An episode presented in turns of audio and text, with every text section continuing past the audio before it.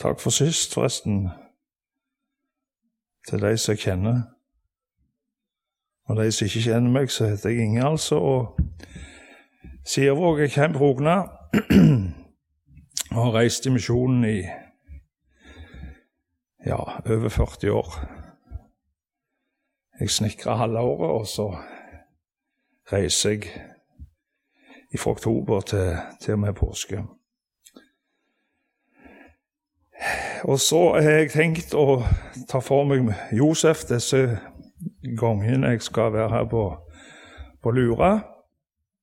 Og jeg mener at det er en underkommunisert historie. Det, det kan jeg være uenig i. Det er jo noe som ble tatt fram når vi gikk på søndagsskolen.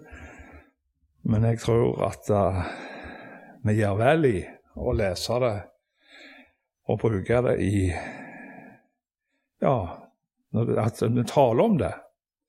For det er mye å si, både profetisk og tida som vi lever i.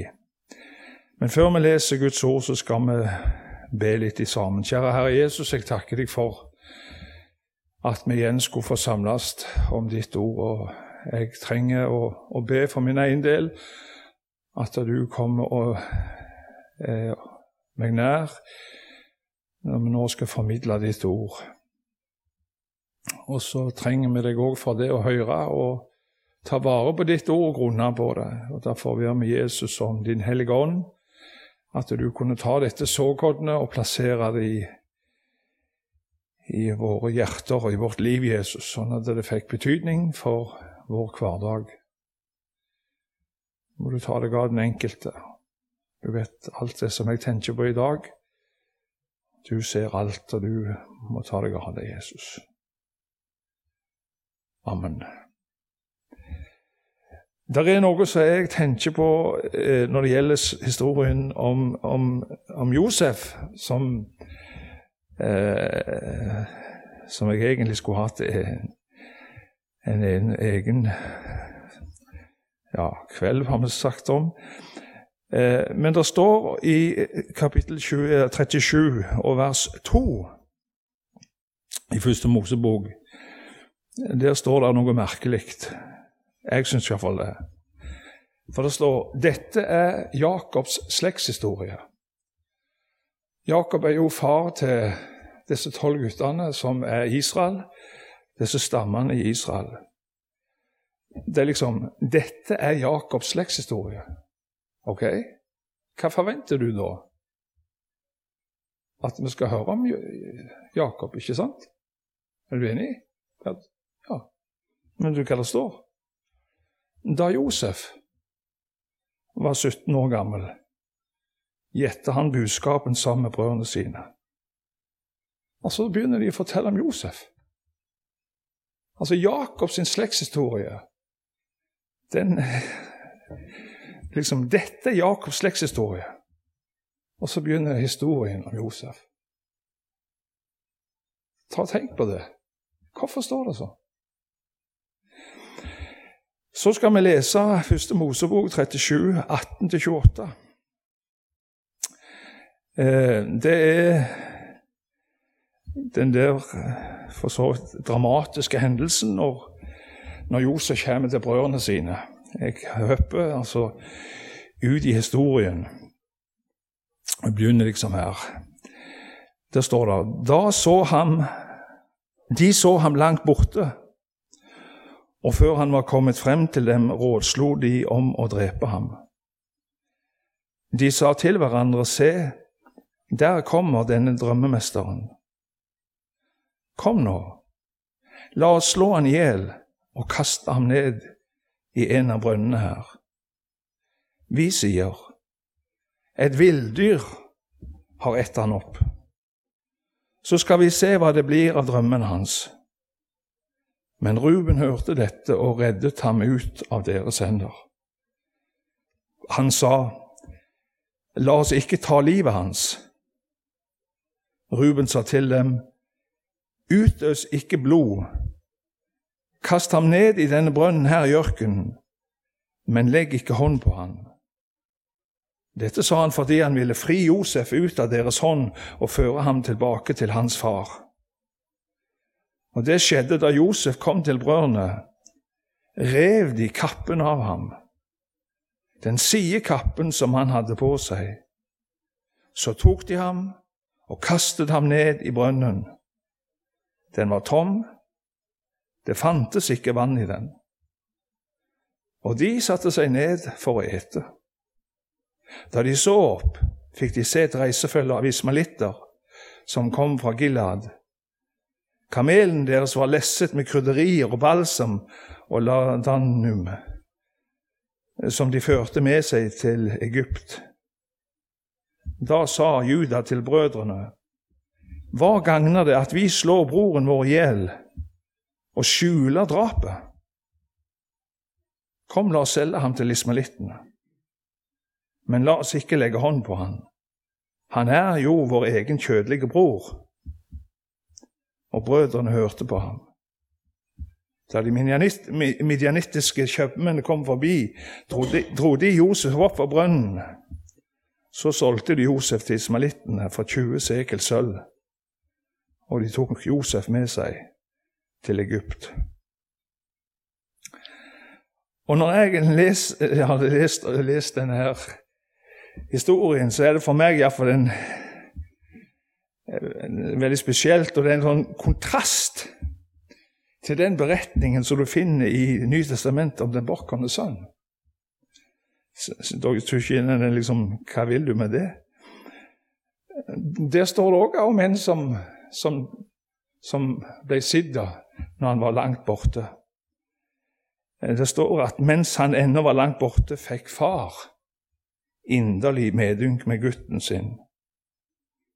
Og sprang han i møte og falt om halsen og kysset ham, kledde han opp i den beste kledningen og sette ring på fingeren og ga han sko på føttene for å så slakte gjøkalven.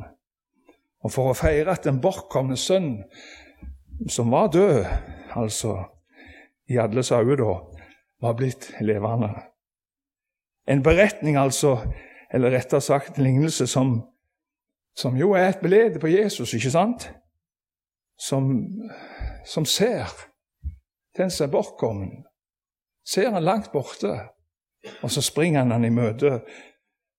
Og så kler han opp i den beste kledningen, omfavner han, kysser han. Og så vet du historien videre om, om den lignelsen. Men, men sånn òg er Josefs historie det er nå et belede på Jesus. Og så Likevel så er det sånn en kontrast her. Men det som skjer når, eh, når far ser den bortkomne sønnen, og når brødrene ser eh, Josef Altså Her blir det liksom snudd på hodet. Nå er det de bortkomne som legger planer. Når en ser Josef, altså, der langt borte Nå blir den beste og flotte kledningen som far hadde kledd gutten sin med Han blir ikke kledd i den, men den blir revet av ham. Nå er det ingen kyss eller å få eller en åpen favn, men hat. Planer som gikk ut på å drepe og sier at det er et villdyr som tok livet av han. Og var det ikke for Ruben og Juda, så hadde det virkelig skjedd. Men så får de altså stoppa ugjerningen ved å selge han til ismalittene til slavepris. Og sjøl setter de seg ned for å ete. Og når Josef ja, da Josef hadde blitt kasta i brønnen, sitter nede i brønnen alene og da de ser opp under dette måltidet, så får de se altså dette reisefølget av ismalitter som kommer fra Gilead.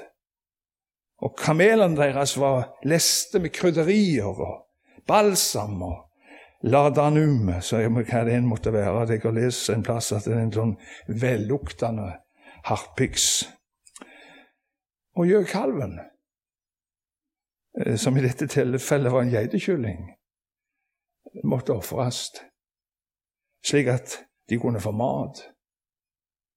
Og slik at de kunne ta blodet og stryke den på Josefs kjortel. Alt var for å dekke over det de hadde gjort. Buken ble metta.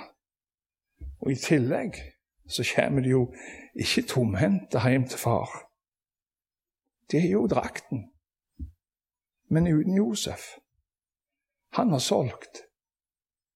Og på vei til Egypt så, så var det altså et, et reisefølge. En salig blanding av, av oljer og krydderier og på kamelryggen. Og når du står på avstand, så kan det se ut som at dette reisefølget er spennende og eksotisk, med alle disse luktene og kameler og så alt det der som er i Midtøsten, ikke sant? Lukta godt. og men sammen med dette så er altså Josef en fange, en slave, sendt ut av landet. Problemet med Josef det var for brødrene tilsynelatende løst. Josef ble bonden. Gikk fra å være far sin yndling til en verdi nå av 20 sekel sølv i andres øyne. Og så er det en far som ikke vet noe om dette som skjer. Han var like elska av Jakob, men far visste ingenting. Han var jo De sier jo det til far, at han er jo død. Så om vi skal aktualisere måten, og det er det jeg tenker på, det er en lærdom Om vi skal aktualisere måten å agere på inn i vår tid, så tror ikke jeg at det er galt å si at uh, de kreftene, eller det som på en måte rir disse brødrene til Josef, disse motkreftene, de finner du i dag òg. Motkreftene mot alt som lukter kristendom. Og kanskje sterkere enn noen gang i vår norske historie så er det kommet planer, altså, for flere hold om å kvitte seg med kristendommen sin innflytelse. Politiske partier, systemer, står i spissen med grupperinger som altså vil ha alt det som lukter kristendom, vekk. Sant? Vi er gått ifra å være et kristent land på ekstremt korte tid, være ekstremt korte tid, være et land altså til å bli et av de mest verslige land i verden. Med en abortlov som dreper nærmere 15 000 barn i mor sitt liv hvert eneste år og det blir tida i hæl. Og til og med et parti som KrF, unnskyld jeg sier det, er blitt tause. Jeg beklager det virkelig, altså. Vi har en såkalt kjønnsnøytral ekteskapslov som gjør at menn kan gifte seg med menn, kvinner med kvinner. Kristendomsfaget i skolen er blitt marginalisert. Og det er så mange ting som strømmer på, kjønnsforvirring, så du kan bli Du lurer på hva verden er det gøy? Og så er det heldigvis, da jeg se det sånn, en Ruben. Bruker han som en metafor. Og senere Juda, som, som ikke vil gå så drastisk til verks. Så er det greit å kaste Josef i brønnen, men du trenger ikke ta livet av ham. Så når en får tenkt seg litt om, så finner en på en måte at vi må holde litt igjen på visse områder. sant? En ser at det, ja, det var faktisk litt, litt altså, gode ting òg, altså, med, med, kristendom. Men du ser over tid så er vår, like, vår kristne kulturer på en måte blitt kasta i brønnen, hvis jeg skal bruke uttrykket. Flere og flere kvitter seg med arven ifra kirke og bedehus. Du merker det i media Med språkbruken, kunnskapsnivå. Banning er akseptert stort sett overalt. Og grensene for hva som skal vises i forhold til kropp og sex, er stadig forskjøvet. Det, det er som noen bølger som bare kommer veltende inn over vårt land, og du står på mange måter maktesløse for det. Og så tenker jeg, og dette er ikke noen form for rasisme, jeg bare har lyst til å si det, men forstå, ta det sånn som jeg sier det, for jeg, det er et alvor i det. Midt i det Ja. For det som jeg syns iallfall, det tragiske at vi selger igjen Josef som metafor. Vi selger han til ismalittene, som er jo den muslimske verden. Det er jo en eksotisk planet vi lever på, ikke sant? med alskens krydderier. Jo, vi fordømmer virkelig ekstre, ekstremisme, sant? men samtidig så finner en sammen med imamer og islam i flere og flere sammenhenger. Til og med en prest i Den norske kirka ba til Allah i full offentlighet. Det er bare det at den Gud som muslimene ber til, det er ikke Israels Gud. Det er ikke et språk, det er ikke, ikke et språksmisforståelse det er snakk om. Vi selger på en måte vår kulturarv til andre krefter eh, som kommer fra den verden, altså. Samtidig så er det et materialistisk tankesett som regjerer i bunnen, der pengene har makta. Dette med Jesus er heller ikke forenlig med humanisme og vitenskap. Vi kaster bibelske sannheter i brønnen. Vi møter noen brødre som, som prøver å bortforklare, dekke over, unnskylde det tragiske som skjer. Og det tenker jeg òg på på mange måter blir gjort. altså En, en bortforklarer, dekker over, unnskylder. Altså I kjølvannet av at grensene altså blir forskjøvet hva som er forhold til rett og galt, altså som forsvinner i et samfunn, så er det så mange gode forklaringer. Og så har òg det mange likheter med Josef sine brødre å gjøre, spør du meg. De tok seg til rette uten å tenke på konsekvensene. Et samfunn altså som hiver over bord. Um, jeg tror det var Marit Christensen. jeg tror hun, er ikke hun nettopp død, forresten. Hun var journalist i, i, Russland. Hun sa rett ut tror ikke hun var noen kristen. Men hun sa det rett ut. Det Russland trenger, det er de ti bud. Altså et, et samfunn som kommunisme, ikke sant? Så skulle vi tro at det Ja, det var orden. Nei. Det er en som har sagt bryter du Guds bud, så vil de knuse deg. Holder du de, så vil de bære deg. Det er sant for, for menneskelivet. Og det er sant for et samfunn, nasjoner. Det er land og folk som gikk til grunne på grunn av at de ti bud ble hevet over bord. Det skjedde altså ikke bare en, har ikke bare skjedd én gang i historien, men hvis du går og leser, så er det, det er slående.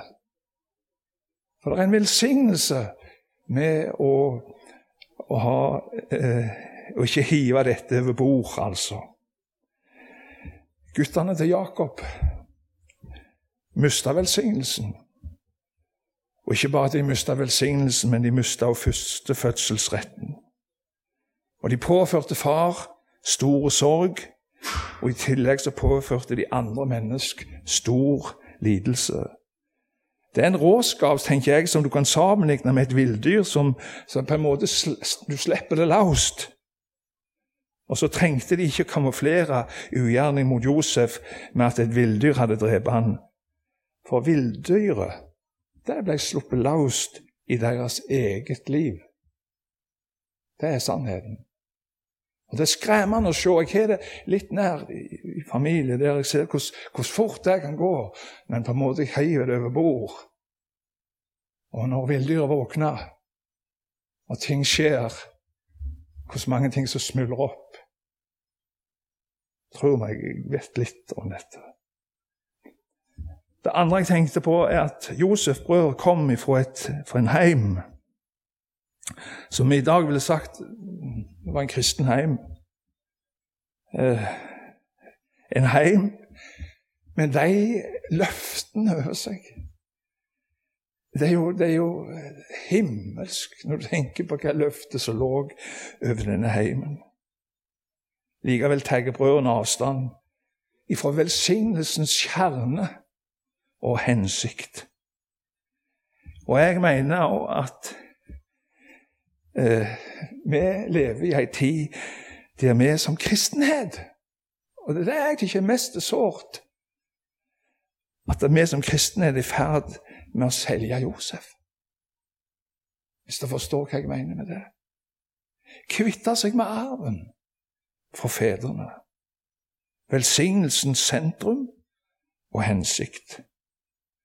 Jo, vi dyrker fellesskapet med brødrene i mange former. Har måltid sammen. Lager det koselig og kjekt. Det er godt. Jeg sier ikke det er noe galt i det. Men Josef får ikke være med i måltidet. Han ble hevet i brønnen. Han er et problem. Vi sier det ikke høyt, men han er et problem vi må kvitte oss med. Han er ikke den frelseren som du og jeg må bøye oss for og tilbe. Og når vi ser opp, så kommer det jo så mye spennende ifra andre plasser ifra. Alskens oljer og krydderier. Og så tenker jeg at vi selger Josef til den kommersielle verden, til og med. Og tilbake står vi en tom drakt uten Josef. Men til far kom en heller ikke tomhendt. En har jo drakten til Josef. Og den har til og med smurt på seg blod, eller den har smurt på blod på den drakten. Og respekten for far finnes det jo ennå. Og for sin egen del så kan det til og med se ut som at en taler om, om offer. Sant? Soning og blod. Sannheten er at Josef ble forkasta og solgt. De ville ikke bøye seg for orda som ble åpenbart for Josef i drømmene. Budskapet han kom med, det skapte sånn forragelse. Det var så radikalt at det kunne de ikke bøye seg for. Og så oppsto det en misunnelse oppi dette hele. Og jeg tenker slik fjerner vi oss mer og mer ifra Han som har velsignet oss med all åndelig velsignelse i himmelen. I Efeserne 1 så står det ifra vers 3.: Lova være Gud, vår Herre Jesu Kristi Far, Han som har velsignet oss med all åndelig velsignelse i himmelen i Kristus. Det er det det handler om. For i ham har han utvalgt oss, deg og alle de andre på jord. Utvalgt oss før verdens grunnvoll ble lagt, for at vi skulle være hellige og ulastelige for Hans åsyn. I kjærlighet har Han forutbestemt oss til å få barnekår hos seg ved Jesus Kristus etter sin frie viljes råd, til pris for sin nådes herlighet, som han ga oss i den elskede. Men så går det an å kaste den velsignelsen i brønnen. Selge den for noe som vi tenker er så mye sværere. Men når Gud bestemt i sin himmel, eh, så, så knytter han sine løfter til forkynnelsen om ord om korset. Om Hans, og altså som er blitt velsigna med, som all åndvelsignelse er i himmelen i Kristus, altså. Knytta det til Han. Og bare Han. Du ser det i sangene som vi synger, hva som blir viktig å snakke om. Vi har drakten på en måte Men ord om korset, det, det blir vekk i mange sammenhenger. Og så skjuler en sannheten om seg sjøl, akkurat som brødrene. Hva, og hvem vi er, og hvem vi har gjort. Og så kommer vi fram for far. Det er ikke det at vi ikke ber, vi ikke kommer fram for far, men vi kommer uten Han som Gud har oppreist til vår frelser. Vi dyrker fellesskapet med de andre likesinna, og en kommer til far med trøst og fine ord sånn som brødrene til Josef. Men det er også alt. Det sanne barnekåret er fremmed. Hvordan kunne de ha et, et sant forhold til sin far, som levde på lyggen? Det var ikke et fortrolig samfunn, for de snakket ikke sant. De levde ikke i lyset. Det var noe de skjulte. Og de kunne umulig møte far på en fortrolig måte etter dette som hadde skjedd, med å holde sannheten nede. Det sanne barnekåret var noe fremmed, for at han ikke slapp lys inn i livet. Det fortrolige Abba, far, var blitt borte på veien. Så står det i Roman 8,15.: Dere fikk jo ikke trelldommen sånn så dere igjen skulle frykte. Nei, dere fikk barnekårets ånd, som gjør at vi roper 'Abba, far'. Josefs brødre kunne umulig altså ha et fortrolig forhold til sin far. Det var Josef nemlig som ble solgt som slave. Sannheten var at det var de som solgte, som ble trella under sin, sin egen synd. De trodde de hadde blitt kvitt problemet. Og så var det de sjøl som ble trella under sin egen synd.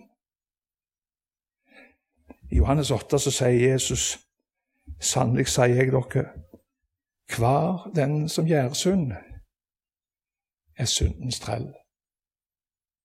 En trell må kjøpes fri. Og her nytter det ikke med sølv eller gull. Derfor sier Peter at dere vet ikke hva med forgjengelige ting med sølv eller gull. Dere ble kjøpt fri for den dårlige ferd som var arvet fra fedrene, men med Kristi dyrebare blod, som blodet av et feilfritt og lyteløst lam. For Jesus, han har sett meg inn i barnekåret sitt. Takk skal han ha for det. Alt det han har, er noe med rette også mitt. Takk skal han ha for det. Fria for synd og død er jeg så vel som han, sjøl med sitt hjerteblod, han denne fridom mann. Dyrt har han kjøpt meg, jeg må synge det jeg kan, takk skal han ha for det. Mitt skal det være, alt det gode han har gjort, takk skal han ha for det.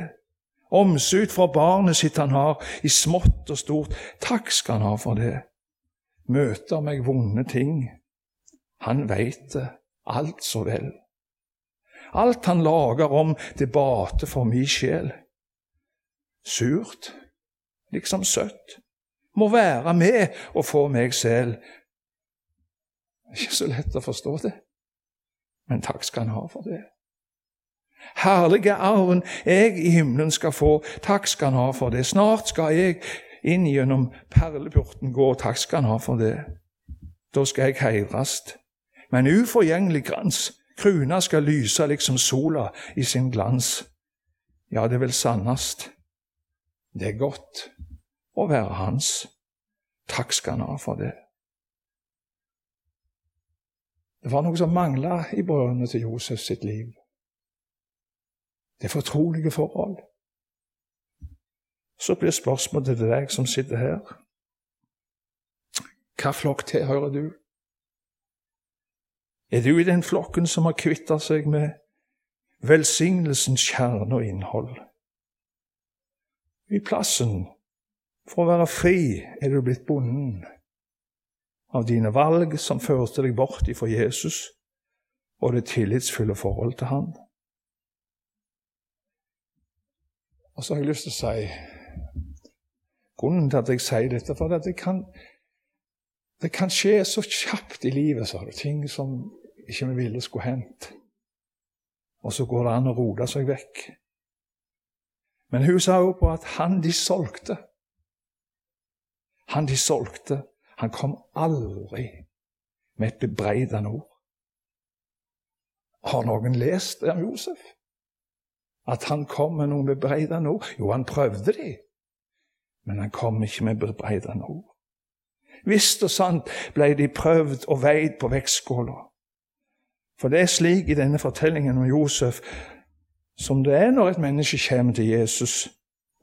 Det er ikke de friske som trenger til lege, men det er de som er det vondt. Og med det skulle bli en smertelig erfaring å komme for de skulle jo bli en smertelig erfaring å komme til det nullpunktet. De var skyldige i å påføre en uskyldig bror store lidelser. Og Historien er jo mangfoldig i Bibelen òg på personer som blir beskrevne som det gikk galt på et, et punkt i livet. Og Det kunne gått evig galt hvis det ikke ble hanka inn. Hvis det, hvis det, ikke var noen som kom og stilte noen spørsmål til dem. Ta eksempelet med David. Sant? Jeg har ei kone som jeg mister litt forarga på han av og til når hun leser om han. At han kunne bli kalt mannen etter Guds hjerte. Når du vet hva som, hva som skjedde i livet hans.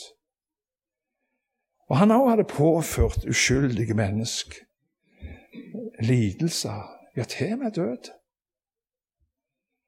Og så blir han kalt mannen etter Guds hjerte likevel. Eh, jeg har sikkert fortalt om det, men jeg har en kompis som har vært i politiet, og som eh, en gang så med en, en drapsmann eh, i avhørsrommet. Og uansett hva som ble lagt fram, så nekta han skyld. Han hadde ikke gjort det. På en eller annen måte jeg husker ikke hvordan det der skjedde, men senere, mange år seinere så treftes de igjen. Jeg vet ikke hvilken setting det var.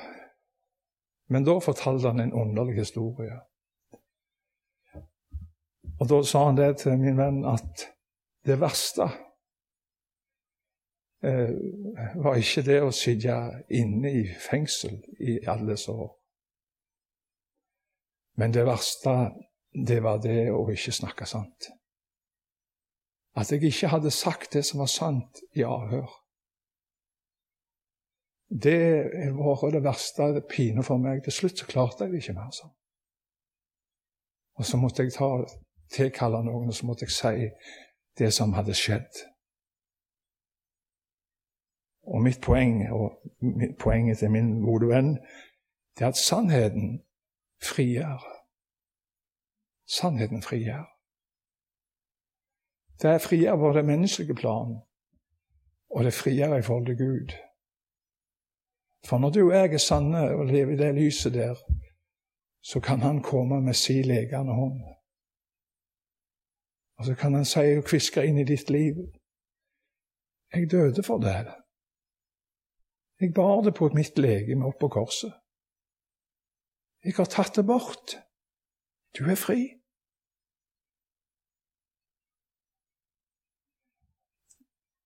David lærte akkurat det. Og Når han skal sette ord på det, så beskriver han jo den høyeste form for lykke. For det er jo det det ordet 'salig' betyr. Han sier 'salig er den som har fått sin overtredelse forlatt' og sin, sin synd skjult'. Salig er det mennesket som Herren ikke tilregner med skjerning, og som er uten svik i sin ånd. Og Så beskriver han noe hvordan han hadde det når han skjulte det, sånn som brødrene til Josef. Da jeg tidde, ble mine ben bortherret. Idet jeg stønnet hele dagen, og dag og natt lå din hånd tungt på meg. Ja, min livssaft svant som i sommerens tørke. Du ser det meste for deg når noe holder på å visne. Men så bekjente jeg min synd for deg, og skjulte ikke min skyld, og jeg sa jeg ville bekjenne mine misgjerninger for Herren. og du tok bort min syndeskyld. Og han skriver også i Salme 51.: Fri meg fra blodskyld, Gud, min frelses Gud. Så skal mi tunge juble over din rettferdighet. For jeg er han jo ikke, ikke sant? Men din rettferdighet. Herre, lat opp mine lepper, så skal min munn kunngjøre din pris, for du har ikke lyst til slaktoffer. Eller så vil jeg gi deg det. I brennoffer har du ikke behag. Hva er offer for Gud? Ei sønderbrutt ånd. Et sønderbrutt og et sønderknust hjerte vil du, Gud, ikke forakte. Det et merkelig rike. Dette Guds rike. Og som vi opplever på en måte Josef sitt liv forkynner så sterkt. Det er ikke et ord av bebreidelse. Og så vet du at han en dag tar imot i, i Egypt. Og det er sånn at det kommer grininger bak. Leser det hver eneste gang. altså. Veldig sterkt å lese historien om Josef. Nå slutter vi av her første akt. Hvordan pleier det å ha det?